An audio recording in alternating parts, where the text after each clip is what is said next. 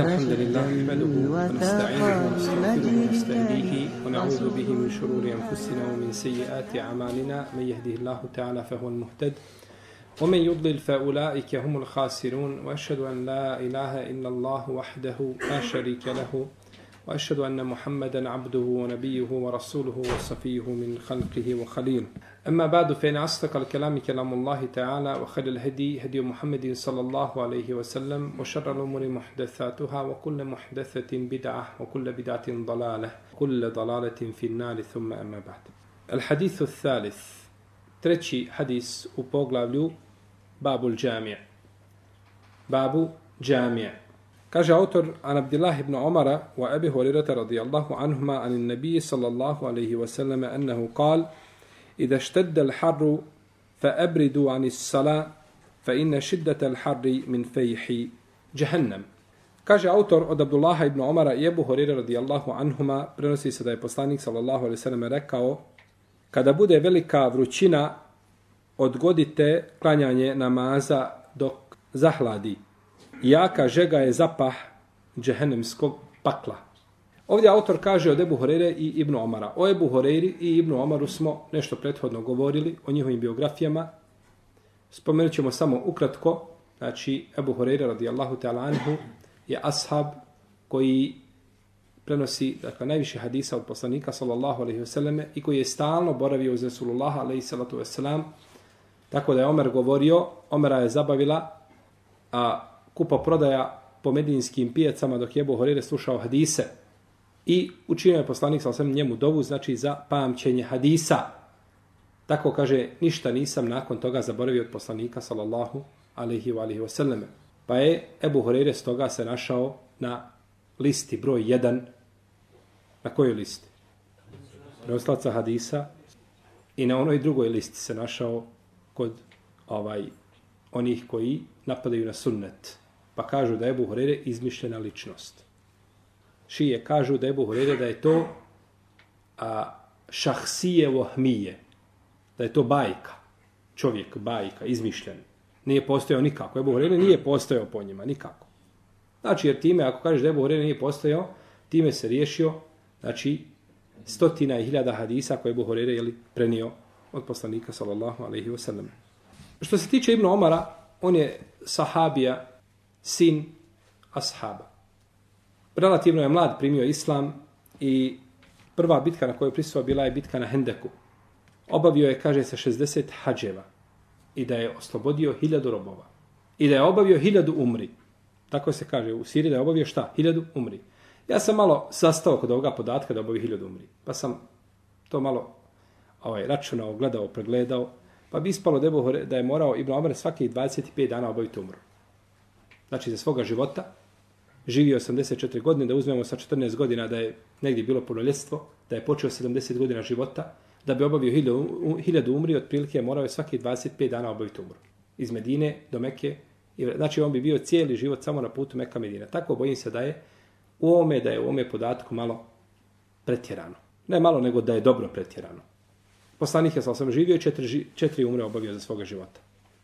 Ibn Omer je mogao obaviti 20, 30, 50 umri, ali hiljadu umri, To je pretjerano i nema potrebe da hvalimo ashabe onim što nisu. Jer oni nisu prvo zadovoljni time, a dovoljno je to što su bila ashabi poslanika, sallallahu alaihi wa alaihi wa sallam. Ako želimo time da kažemo da ashabi sledili sunnet, to je pogrešno. Jer Ibn Omar bio žešći u sljedjenju suneta od toga što mi možemo pomisliti. Čak je obavljao fiziološku upotrebu tamo gdje vidio poslanika, sallallahu da je obavljao iako to nije sunnet. No, međutim, i silne ljubavi prema Rasulullahu sallallahu. I kada je rekao njegovoj sestri Hafsi, divan je nijema rađulu ibn Omar, leu kane je kumu min lejl. Kaže, samo kada bi klanjao malo noći namaz. Pa kaže, Nafija, nakon toga nije Ibn Omar nikako više ni spavao. Po noći nije ni spavao. Znači, jedna riječ je bila dovoljno da, da, znači, da se odazove riječima poslanika. Iako to nije bila naredba od poslanika, sallam, nego je bila, znači, jedna opaska, jedno zapažanje koje je Ibn Omar odmah primijenio jel, u svome životu. I kada je čuo ajet len tenalul birra hatta tunfiku mimma tuhibbun wa ma tunfiku min shay'in fa inna Allaha bihi alim i nećete uložiti ništa na Allahovom putu Ili nećete dostići dobročinstvo dok ne budete ulagali od onoga što volite, kaže ja najviše volim moju ropkinju Rumeisu Rumejsa. Bila mu najdraža, najdraži njegov imetak i odmah je oslobodio, pustio je i dao je kao ženu svome slugi Nafiji. Dva puta je slomio šeitana. Prvo što je oslobodio, a drugo što je udao nju kome? Njemu najbližem čovjeku koji je jel, njegov sluga. Nafija koji je bio njegov štićenik, jel, stalno je bio uz njega. I kaže Aisha radijallahu ta'ala, nisam nikada vidjela nikoga da slijedi više el emral evvel, misli se na prvu stvar, misli se na šta na postupke ashaba, znači onih prvaka, muhađira i ensarija od Ibn Omara. On je, kaže, bio najžešći u tome. To potvrđuje, znači, Aisha, radijallahu ta'ala, anha. Nije nikad spomenut poslanik, sallallahu da nije zaplakao, da nije zaplakao. I često se od Ibn Omara se navode, znači, mnoge izreke koje je govorio. Recimo, njegovi lijepi izreka jeste, a, da je došao čovjek i kaže, umro je jedan ensarija. Kaže, rahimehullah. Kaže, Allah mu se smilovao. Kažu, on je ostavio iza sebe stotinu hiljada dirhema. Ostavio je stotinu hiljada dirhema. Kaže Ibn Omar, ali oni njega nisu ostavili. Oni njega šta nisu? On jeste ostavio, ali oni njega nisu ostavili. Oni su sad njim, će biti pitan za njih. Da ih je dao za vrijeme svoga života, fi se bili lah, to je drugo. No međutim, ono što je ostavio, šta biće? Pa pogledaj, znači, razmišljanja Ibn Omara, jeste on ostavio dirheme, ali dirhemi nisu napustili, napustili njega. U ovome hadisu ovdje kaže poslanik Salosaleme, kada bude velika vrućina, odgodite namaz. Odgodite klanjanje namaza dok ne zahladi, jer je jaka žega zapah džehennemske vatre.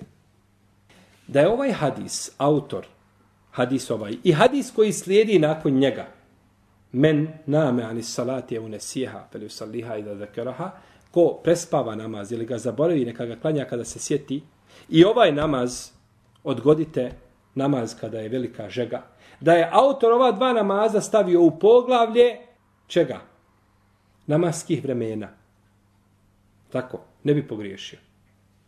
Mogu biti u ome poglavlju, no međutim, oni odgovaraju savršeno čemu? Poglavlju namaskih vremena.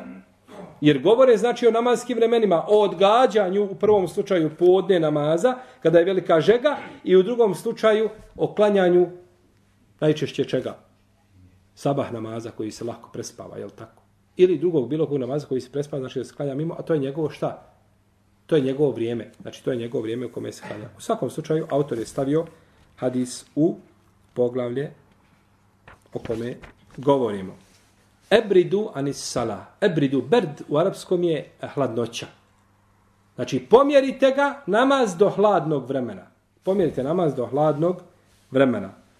Jer je ta vrućina zapa džehennema. Zapa džehennema koji po jednom tumačenju znači da, da je to ovaj simbolika, da ova vrućina liči s jedne strane šta na džehennemsku vrućinu. No međutim, ispravno je da simbolika nije ovdje tačna, već da je tačno da je to stvarnost.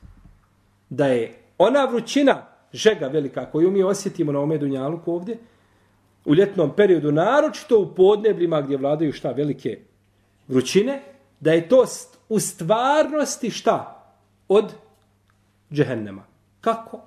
Allahu Teala Je tako? Jer poslanik sam nije rekao to je kao džehennemski zapah, nego rekao to je šta džehennemski zapah. I mi to potvrdimo. Tako džehennemski zapah u stvarnosti. Kako? Ne znam. Jer, braćo, kada bi čovjek ulazio u sve detalje gajba, lako bi izišao iz islama. I lako bi islam ostavio. I zato ko je svoj razum stavio da sudi gajbu, takav će završiti, znači da će ostati bez vjere. I zato prva stvar od vjernika jeste šta? Elif la mim. Zalik el kitab, šta? La rejbe fi. Šta ide dalje? Hodan lil mu'minin. Illa lil mu'taqin. Kakvi mu'taqina? Allazine Ju'mine u šta? Bil gajb. Prva stvar koju traži se od bogobojazni od vjernika da šta? Da vjeruju u gajb. Od tebe se traži da vjeruješ u šta? U, u gaib. U nevidljivo. Protivno uzvišen Allah mogao sve to ljudima pokazati, kaže ovo je džennet, ovo je džehennem, gledajte, nema sumnje da bi svi ljudi bili vjernici. i da bi njihov iman možda bio ravan imanu najodobranih robova. No međutim, traži od vjernika da vjeruju u gajb. Pa je tako zapah ili ta vrućina žestoka, ona je u stvarnosti iz od džehennema. Kako? Ne znamo tu stvarnost, kao što ne znamo mnoge druge stvari vezane za gajb. U sahihu se navodi kod Buhari i kod muslima da se vatra požalila Allahu azzawajal pa je dao da malo odmori. Dva odmora je dao, jedan ljeti, jedan zimi. I tako je došlo u hadisu od poslanika sallallahu alaihi wa alaihi wa sallam. I ovo je dokaz da je vatra šta? Stvorena ili da nije stvorena, da je prisutna danas? Da je prisutna. Zato naši prevodi u Kur'anima o džennetu kaže dženneti ispod koje će rijeke teći za budućnost. Je tako? Ne, nego ispod kojih rijeke teku. Ispod kojih rijeke teču. Teku. Ispod kojih ruke, te, ispod koje rijeke teku. To je znači šta? Bilo stvoreno i tako ispod kojih će rijeke teći, to je za budu, znači dženneta nema, sada nema džahennema, to će biti ne, to je stvoreno. I džahennem se potpaljuje i a, svaki dan je sve užareniji za nepokorne, a džennet je prisutan za pokorne i ispod njega rijeke teku.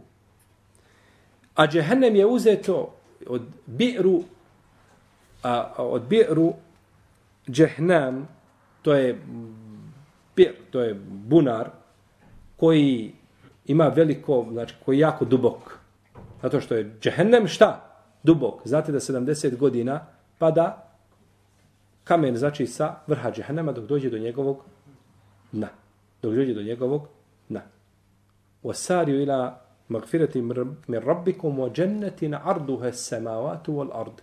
Kaže i požurite wasariju, požurite oprostu ka vašem gospodara, njegovom zadovoljstvu i džennetu koji je širok kao nebesa i zemlja. Dobro, ako je širok kao nebesa, koliko je dug?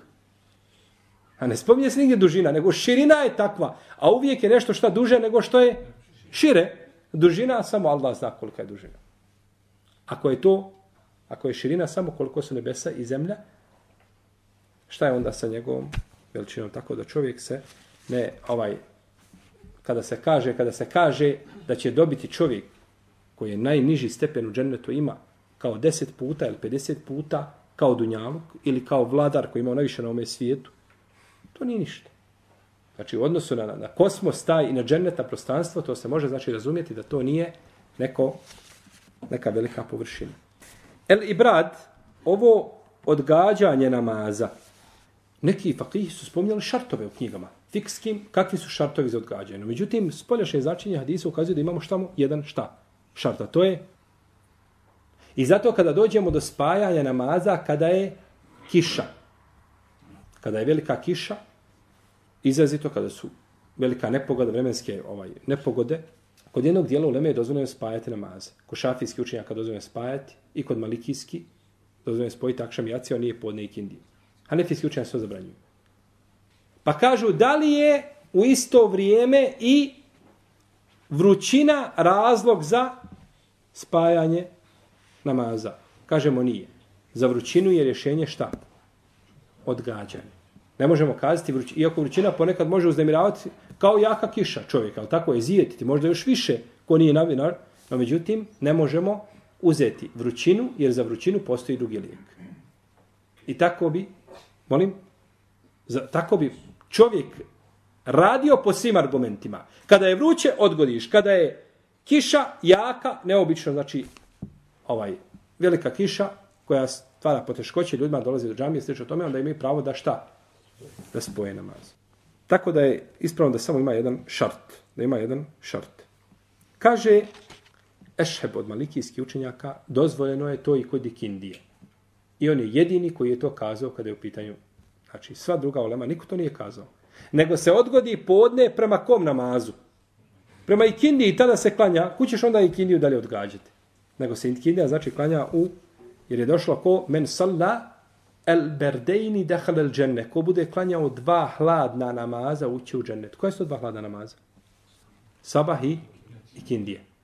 Sabah i ikindija. Početkom i krajem dana. Ko kaže bude klanjao ta dva namaza, ući u džennet. Tako je došlo od Isu poslanika, sallallahu alaihi wa alaihi wa sallam. Misli se na ikindiju, zato što se klanjaju početkom i krajem dana, početkom i krajem dana su, znači, mi kažemo, mi odemo dole, nama je po noći u 12 sati, nama je vruće.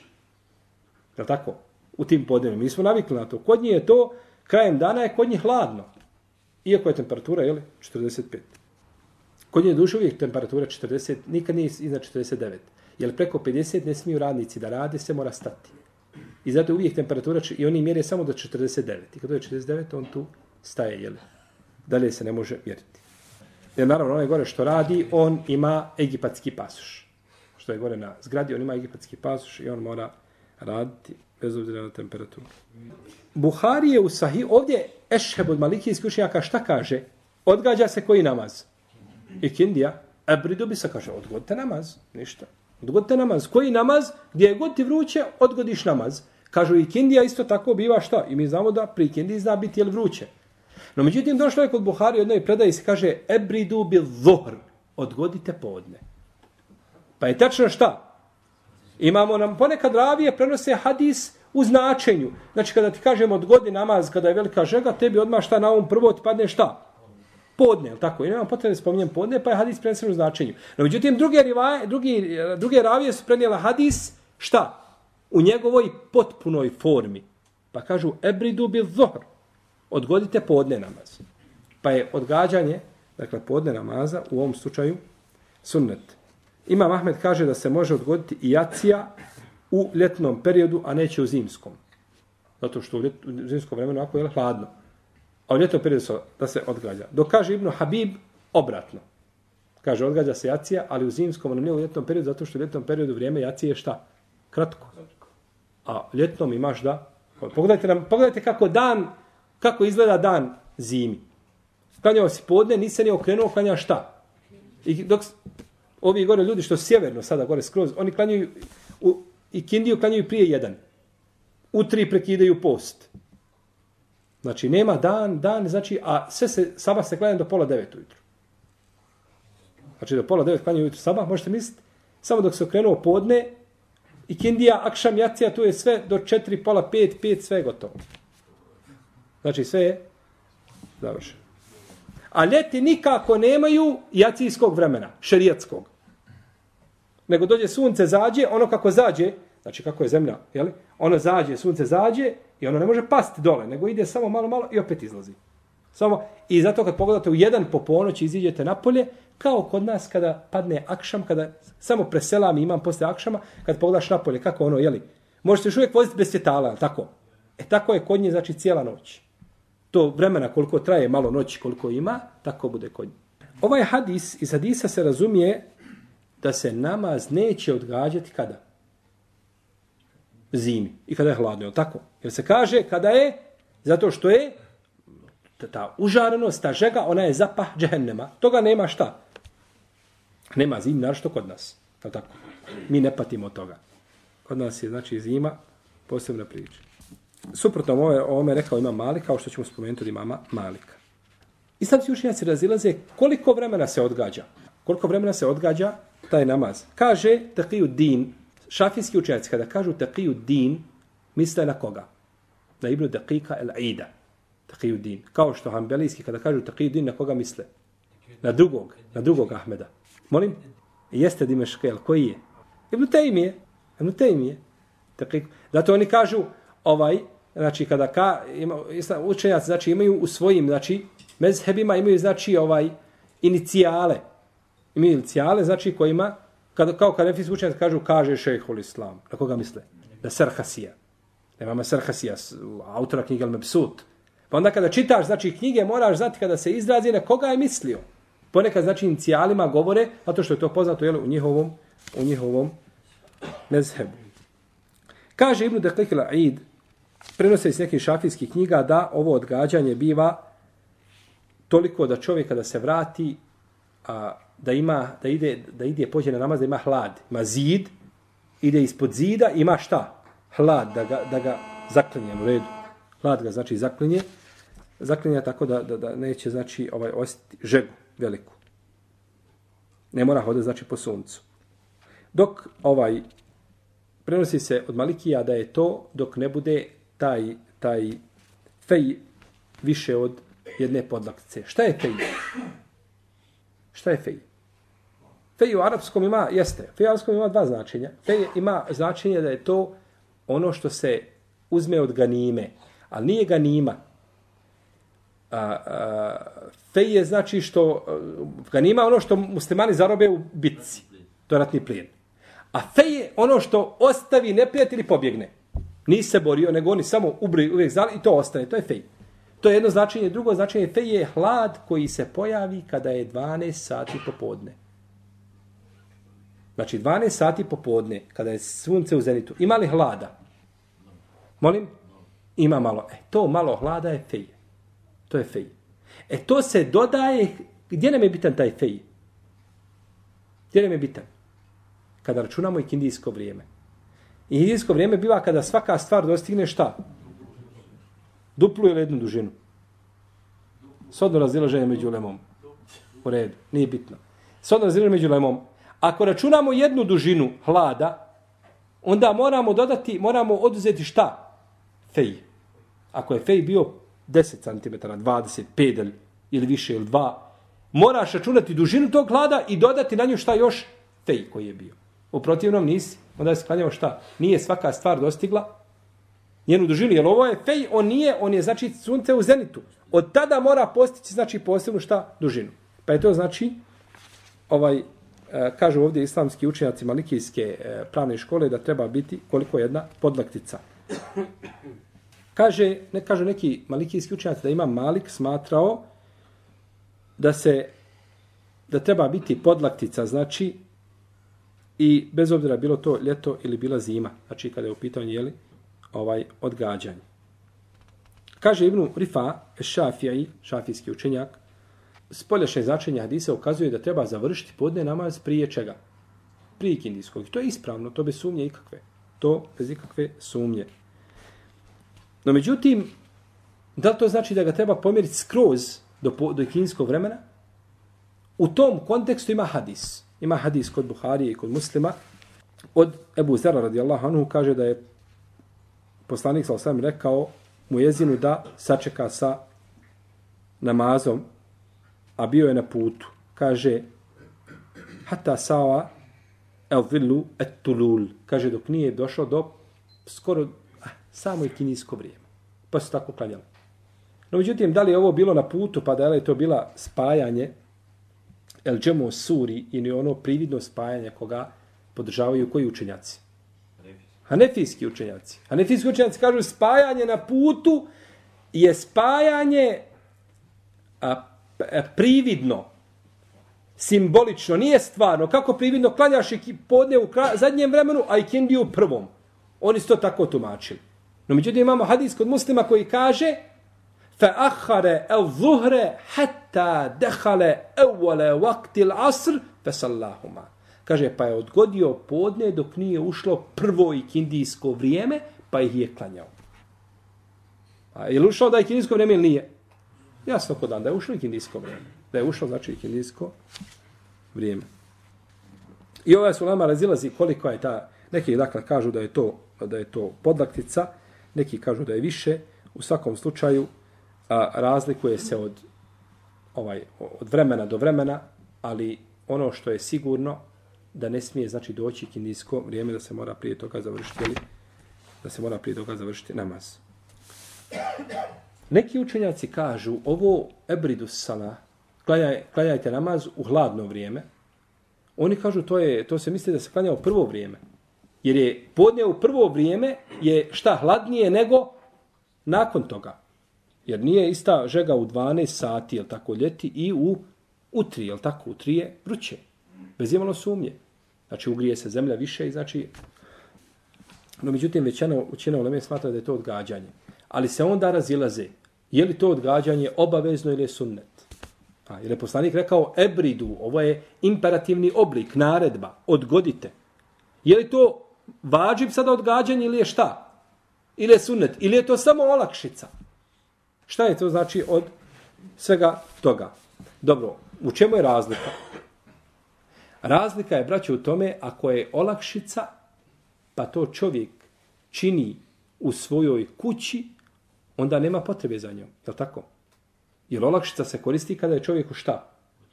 Poteškoća. A u tvojoj kući nemaš poteškoće. Ti ne moraš ići. Tako, zato čovjeku, braćo, nije dozvoljeno da spaja kod kuće svoje podne i kindiju kada je velika kiša, ako drži se mišljenja šta da može spajati. Kod kuće svoje. Ne, gdje spajaš? U? Zato što džamije trebaš ići. A kod kuće onako nema. Ništa. E, Krov za glave. I nekako prokišnjava. Znači, nema čovjek u svojoj kući šta? Olakšica. Nemaš potrebe zato što nemaš poteškoće. Ovdje ako kažemo da je olakšica, šta će onda značiti? Da nema čega?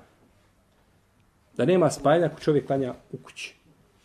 U svakom slučaju, ovaj poslanik je sallallahu to ovaj tražio od ashaba. Ispravno je Allah ta'ala da je ovo sunnet. Ispravno da je ovo znači odgađanje sunnet. Dobro. Šta je sa džumom? Poslanik sam kaže, odgodite podne. Dobro. Mi znamo da petkom nema čega? Podne namaza. Petkom nema podne namaza, nego ima džuma. I, molim, i džuma, ispravno je braćo da džuma nije zamjena za podne. Pazite dobro. Džuma nije zamjena za podne, nego džuma je posebno propisan namaz u tom šta? Vremenu. Tako da petkom nema nešto što se zove šta? Pitaš čovjeka petkom, jesi klanjao podne? Kaže, jesam. Jesam, kaže, klanjao sam podne. A, nema petkom čega? Podne namaza, nego ima džuma. Dobro. Da li taj isti propis vrijedi za džum? Tu se ulema razilazi. Tu se nama razilazi. Jedni kažu da vrijedi, drugi kažu da, da ne vrijedi. Kaže džum huruleme da to ne vrijedi za džum. Da to ne vrijedi za džum. Zato što kažu da je da je za džumu da je za džumu sunne da se porani na džumu. Ljudi idu, jel ono sunnet ko porani u prvom satu, pa ko počne, to čovjek doći u prvom satu, to je ujutru 7 sati da dođe od prilike, da kažem od prilike. Ali. Kad dođe ovdje u 12, ti mu kažeš, živ bio, mi ćemo u pola pet klanjati. A on poranio šta? Znači imaće dvije deve, jel? a dvije deve nemaju hadisu, nego ima jedna. Znači pa je sunnet da se šta? Porani sa čime? Sa džumom. Sunnet da se porani sa džumom. I Kažu neki učenjaci kada bi to bilo, ljudi koji bili u džami, bili bi ez, u ezijetu. Vi vidite zimi, znači kada ne treba nam grijanje u džami, kada je puno džami, ali tako? Svaki čovjek oslobađa energiju, diše se i tako dalje. Nema potrebe znači za grijanjem. Šta mislite onda kada je ljeti i vruće, kada se džamija napuni? Zaboravite to što mi danas imamo, pomoćna sredstva i klima, uređaja i propelera i tako dalje. Govorimo znači o, o situaciji kakva je bila u vrijeme, znači ljudi, jel, davna vremena, kada nisu imali znači tih pomagala i tih olakšica. Pa bi to bilo dodatna njima šta poteškoća da čekaju. Da čekaju. A imamo hadis a, koga bileže Buharija i muslim i drugi u kome se kaže da su ashabi vraćali se sa džume namaza petkom, a ne bi našli pored zida hlada da se sakriju. Pazite ne bi našli pored zida šta hlada da se sakriju. Poslanik je sa osadame na džumi učio suru šta? Na hutbi učio koju suru? Na hutbi. Hutba, ne namaz. A? Koji je poslanik sam učio suru sa... Mi, mi, učio je suru koju kad mi učili je danas do, džemat bi ustao i... A molim? Nije. Učio suru kaf. Umu Hišam kaže, nisam naučila suru Kaf osim iz usta poslanika, sala mi sa Mimbere. Za Mimbere bi se popio i prouči suru Kaf, od početka do kraja. Kaf, ul Kur'an il Međid.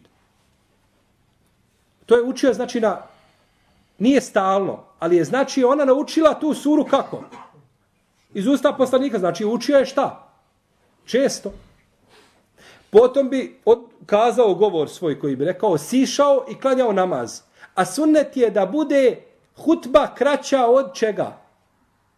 Od namaza. I zato, braćo, hutba ne bi nikako smjela biti veća od 15-20 minuta maksimalno. Imate ljudi po sahat, sahat i po vremena drže hutbu. Znači, to je, to je ovaj suprotno sunetu poslanika, sallallahu alaihi sallam. Bolje održi hutbu i nakon hutbe sjedni na stolicu, ko ima vremena da ostane da sluša, ili da sluša, ko nema vremena, neka ide za svojim poslovima. Jer uzvišen Allah kaže, fe i da podujeti salatu, fil filardu, optegu min fadlila. A kada se završi namaz, vi se raziđite po zemlji. A kako će završiti namaz kad mu ne daš, ne daš, ne, ne daš ljudima da završe namaz? Je tako? Nego ih tuširaš i sušiš u istom momentu. Kaže, vraćali bi se sa džume namaza, a ne bi bilo nikako hlada da se zaklone. Zato hambelijsk, po hambelijskom mezebu je dozvoljeno džumu klanjati prije podnevskog vremena. Kod džumhura uleme, džuma namaz ima isto vrijeme, poči, početkom i krajem, kao šta? Kao podnevno. Međutim, kod hambelijskih učenjaka i nekih drugih džuma počinje, može se ranije klanjati, kažu ovo je dokaz, i ashabi su kaj lulili petkom, svaki dan su kaj lulili prije podne, a petkom poslije podne, poslije džume. Kažu zato što su klanjali šta? Džumu ranije, pa onda kaj lulili. Nisu imali vremena da prije toga, jer je kajlula spavanje, kajlulu kada definišu islamski učenjaci, je, je lingvističari kažu, to je spavanje sredinom dana. Ali ono što se može zaključiti iz predaja, Allahu alem, da je preče da kajlula bude prije podne. Ako se spava i posle podne, nema spetje. Bitno je da se šta? Tako, bitno je da se spava. To je najbitnije. Dobro, ovaj hadis, ovaj hadis, njemu ne ide u prilog hadis Hababa ibn Lareta. Mamo, hadis Hababa ibn Lareta. Po čemu je poznat sa Hababa? Sjećate se Hababa i njegovog slučaja sa Omarom. Kada se jedne prilike sjedio sa Omarom i kaže Omar, kaže, niko nema veće pravo da sjedi u ovome međusu od Bilala. Ibn Rabaha. Koji je mučen šta?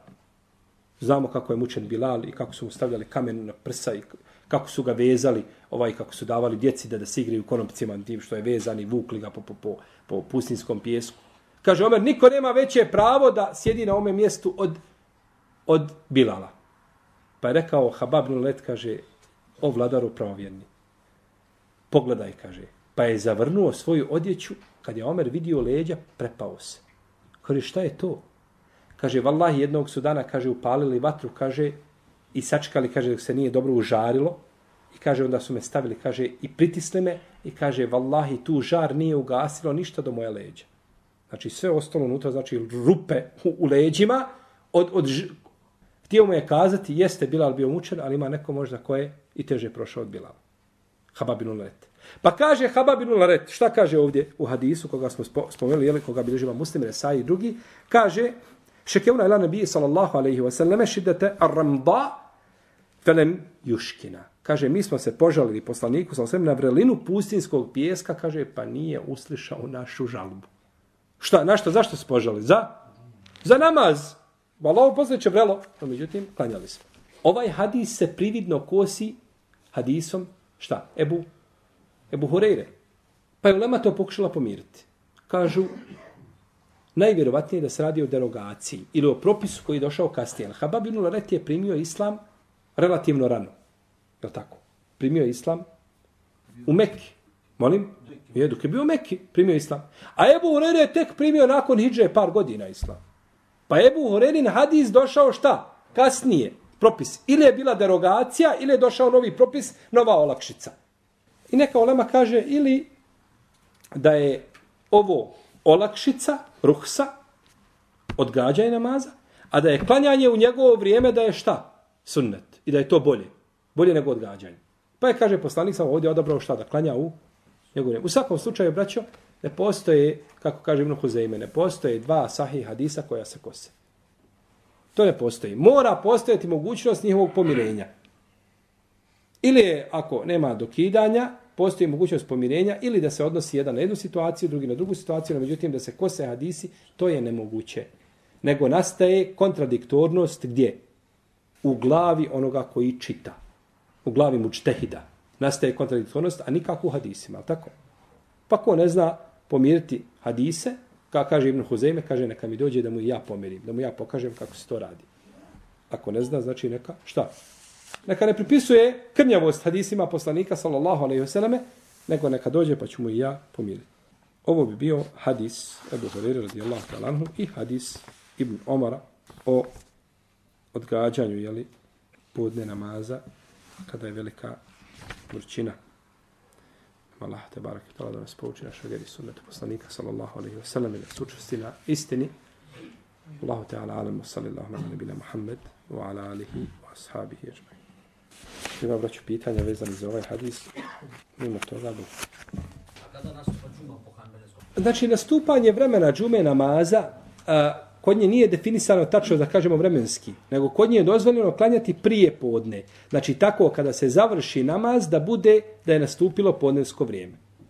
Znači, i da nema, znači, hlada, da bi se čovjek mogao sakriti, znači kako je došlo ovo. No, međutim, kažemo, džumur Uleme nije to prihvatio i Allah te vam da je ispravnije raditi po, po, ovaj, po mišljenju džumhura Uleme. Jer to je sigurno. To je ono čemu se sva ulema složila da je podnevsko vrijeme i džumoansko vrijeme. A što se tiče prije toga, razilaženje je veliko. Imaju hadisi s koji se to može razumjeti svakako, hadisi Enesa i drugi ashaba, i oni su u najvjerostojnim hadijskim zbirkama, no međutim, ovaj, kažemo da da određene stvari imaju iz koji se može nešto razumjeti i shvatiti, ali je preče znači da se radi suprotno zbog jasnoće, znači argumenata.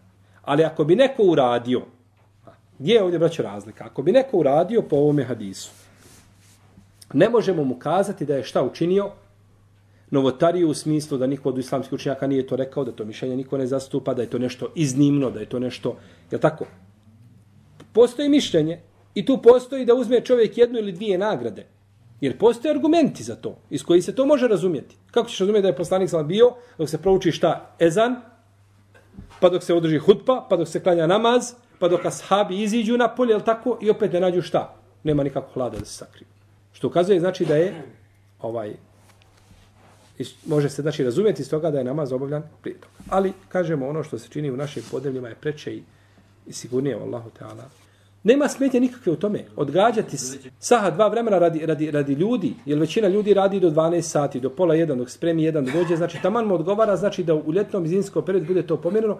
Tome, mi kada bismo se dogovorili u džematu da nam odgovara svima da džuma bude u tri sahat vremena prije nastupa zimskog vremena da će više ljudi doći doći i stići na džumu, hajde bereket, nikakve smetje nema. Ko želi ranije, ima drugi džamija gdje može klanjati ranije.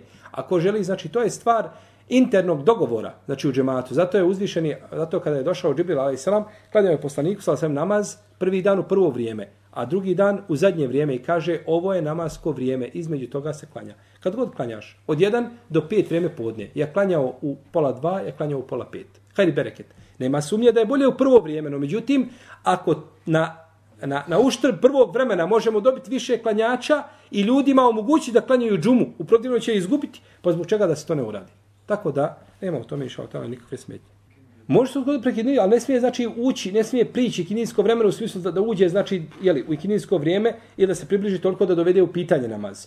Znači, da, nego, znači ako je bar da se klanja 20 minuta do pola sata da završi prije nastupa vremena, to je lijepo, ali da se da se odgađa znači do to zadnjeg vremena, ovaj u tome to je problematično, jer postoji mogućnost znači da se upadne šta u u kinijsko vrijeme postoji mogućnost da se upadne jeli, u kindijsko vrijeme.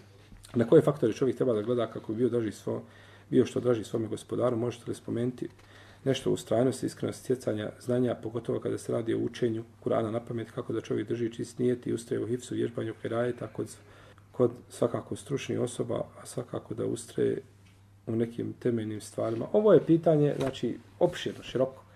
Kako da čovjek ustraje ovaj na pravom putu, nema braća sumnje da je najbolji i najsigurniji metod za ustrajnost učenje vjere. Ne može čovjek biti ustrajniji u vjeri osim što upozna svoju vjeru. Jer to su, to su sve motivi koji čovjeka tjeraju šta da bude ustrajan. Ko, ko se najviše boji Allaha? Učeni ljudi. Zašto? Zato što najviše poznaju svoga gospodara. I najviše poznaju njegove granice. I najbolje zna dok smije ići, gdje smije stati, šta smije uraditi, šta ne smije uraditi. Dok čovjek koji ne zna, jeli, radi mnogo stvari i ostavlja mnoge halale koji su šta? Dozvoljeni, bojeći se, ne znajući znači propis. A činit će mnoge harame, a neće znati, jeli, a neće znati propis. Tako da je ovaj, što se tiče učenja Hifsa, Kur'ana, na pamet, to je opet posebna znači, stvar. Učenje Kur'ana je, braćo, svjetlo, to je nur za čovjeka. Bez obzira čovjek što ne razumije Kur'an, ne smije znači sebi dozvoliti da ne uči. Učenje, kako god da bilo sporo, ti učiš i ideš napred. Svaki dan znaš novi ajet. Ponovio si nekoliko ajet. Zna, no međutim, ako ne učiš, ne znaš ništa. I sada kada bi čovjek sebe pogledao ono za deset godina. Šta sam znao od Kur'ana prije deset godina i šta znam sada? Je tako? I da gleda. I da važe. I da bi našao sebe da je negdje pridnu. Kažemo, ne kažemo svi. Ali mnogi od nas. Da kažemo sada muslimanu koji klanja 15 godina ovdje u džami, da mu kažemo, hajde živi bio, prouči nam suru El Mutafifun. Šta mislite? Ona je zadnjeg džuza, iz Amber džuza. To je, znači, trebali bi, da nam zatvori vrata, molim te. To je, znači, ovaj stvar oko koje ne bi trebali šta? Diskutovati, da svako zna suru El Mutafifun. Evo, kada bi sada, na primjer, rekao tebi, je li nekome od vas, hajde nam prouči suru El Mutafifun. Vjerujem da bi bilo onih koji šta? Koji to ne bi znali, tako? A to je sura u zadnjem džuzu, ame džuzu. A ti si musliman 15 godina, 20 godina klanjaš i ti su, te sure što zna dijete od 3, 4, 5 godina znaju na pamet te sure, ti ne znaš te sure. I tako te prolaze godina za godinom, mjesec, ništa. Ti kao, kao da, je, da je to, da to nije objavljeno tebi, nego je to objavljeno u Lemi. Dajama, ne znam, hafizima. To hafizi uče, što će ja to učiti? Ma hafiza ne kuće. A to je pogrešno razmišljanje. A kada je čovjek učio svaki dan, uzmite da svaki dan učio po jedan red. Jedna stranica koliko ima redova? 17, je li tako? 17 redova. Da ste svaki dan učio svaki dan, znači ti mjesečno znaš otprilike dvije stranice. Svake godine znaš koliko? Skoro džuz. Godišnje znaš džuz. 15 godina se samo, alhamdulillah, 15 džuzeva. Mašalo, te barak, A red dnevno učiti, to znači može učiti onaj ko nikada nije harfa arapskog progovorio, da sjediš sa onim tamo švabom na baušteli da mu ponavljaš, on bi ti, od ujutru dinamično, on bi znao, znači jedan red proučiti ko, jel red? Jedan red, jednostavno. Ali bi ti napredo, ono, međutim, prođete 15 godina, možda prije 15 godina znao više nego sada. I ono što znao zaboravio, nis ponavljao. To je belaj. Tako da čovjek sve braće odredi da ima nekakav ovaj program u tom učenju, jel tako? To bi bilo korisno. To je bilo korisno. Vježbanje kirajeta, to je opet dodatna stvar. Vježbanje kirajeta je bitno, ali učenje vjere je bitno. Da ne neko rekao, ne, kirajete su jako bitni. I mi imamo stručne ljude, znači, za kirajet u Bosni, ili poput Hafiza Gološa, šeha Džavada, i nema njemu sličnog kada su u pitanju kirajeti. I to je jako bitna, znači, ovaj disciplina, no međutim, ne smije ići na uštrb učenja vjere. Jer je učenje, znači, propisa kako da čovjek bude, jeli, musliman, i kako da se Allahu približi, kako da ga obožava, to je bitnije. I propisi su bitniji. Pa ako stigne nešto nakon toga od, da uči od kirajeta, to je hajri bereket i svakako, to je korisa nauka koja blijedi i koju trebaju znači ljudi očuvati kao što blijedi nauka o nasljednom pravu i određene nauke, tako blijedi nauka o kirajetima. A, zanima me kako da se obuče žena u ovim hladnim zimskim danima, a da to bude primjerno s obzirom da S obzirom na to da joj je potreban kaput, znamo da on ocrtava dijelove tijela, remena, ruke, tako da kako se postaviti po tom pitanju, da li mahrama mora biti van i prekriti grudi, ili može ostati unutar kaputa, s obzirom da to puše i hladno je da se da je mahrama vani. Ne, osnova je da ta mahrama da se ne uteže. Mahrama je stavljena znači da pokriva, a nije da se utegne. I sve što uteže i ocrtava, ovaj, to se ne smatra hijabom.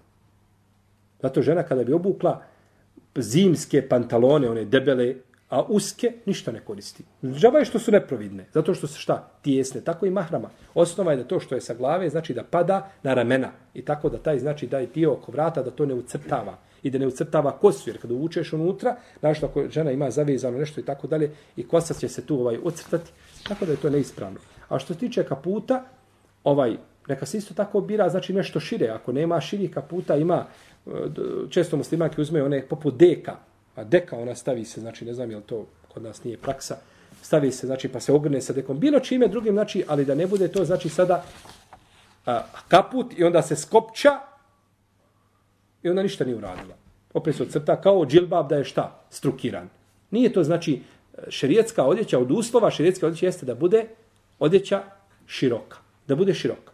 A kako će se oblačiti? Ja verujem da žene znaju to bolje od muškaraca. Znači da je postoji uvijek mogućnost znači da se ispravno. A ako uzme nešto, nema ništa, a mora obući, pa se boji da će biti tijesno, onda neka ga ne skopčava, neka ga raskop, neka ostavi ga raskopčana. To je bolje nego šta da ga skopčava pa da tako strukira svoje tijelo. Jel? Molim? A muškarci? Isti je propis kod muškaraca, ovdje će treba biti širok. Salamu alaikum, braći, imam jedno pitanje za brata Safeta. Moje pitanje glasi da li može vjernik klanjati kada je putnik vani, a hladno je, ima snijega u... zbog puno hladoće. Nema veze. Izje napolje, uvijek se na parkiruš, znači može nadje, nema snijega, to se... Uvijek čovjek sa sobom ponese šta? Deku. Ponese ispod. Prvo ima jednu, ima jednu plastičnu, veliku, znači, onu foliju, koju prostre dole. Po tome je prostre jednu običnu, a onu, onu kohasuru, i onda nakon toga se džadu klanja dva rekiata za dvije minute. Ha, za dvije minute. Neko može i brije. Naši su studenti mjerili jednog imama u Jordanu. Za 29 sekundi klanjao dva rekiata. Oni mu štopali. Znači on je poznat dok kaže Allahu Ekber, opet kaže Allahu Ekber. Ja ne znam Fatiha i uči li Fatihu ili je kod njega Fatiha sunnet, ne znam šta je.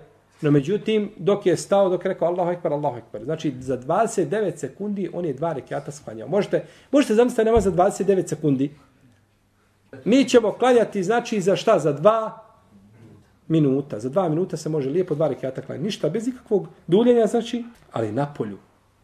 To klanjanje sjedeći, Ulema postavlja, znači, nuždu kao čovjek koji klanja na lađi ne zna plivati, pa se boji da se ne uguši. Jel? To je životna opasnost.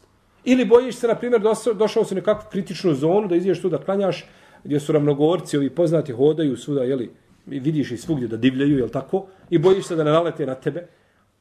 To su životne opa... No, međutim, čovjek, snijeg, šta je snijeg problem? A dobro ja živ bio.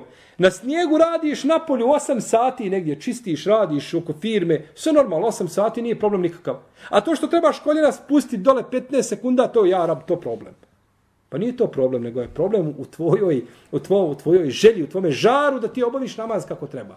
Tako da to nije ovaj... E druga stvar sada, ako je čovjek osjetljiv, boji se, znači, ako to da, da će odmah, znači, bolestan je čovjek i da, da mu to odmah može šteti, tako, to je druga stvar, to, je, to, je, to su nužde. No, međutim, ako je čovjek zdrav, iziđe živ bio klanja namaz, onako kako Allah traži od tebe, nagrada ti je veća, jer je nagrada shodna, nagrada je shodna, jeli, onoj, tegobi koju čovjek pretrpi u pokornosti stvoritelju Tabaraka wa ta'ala.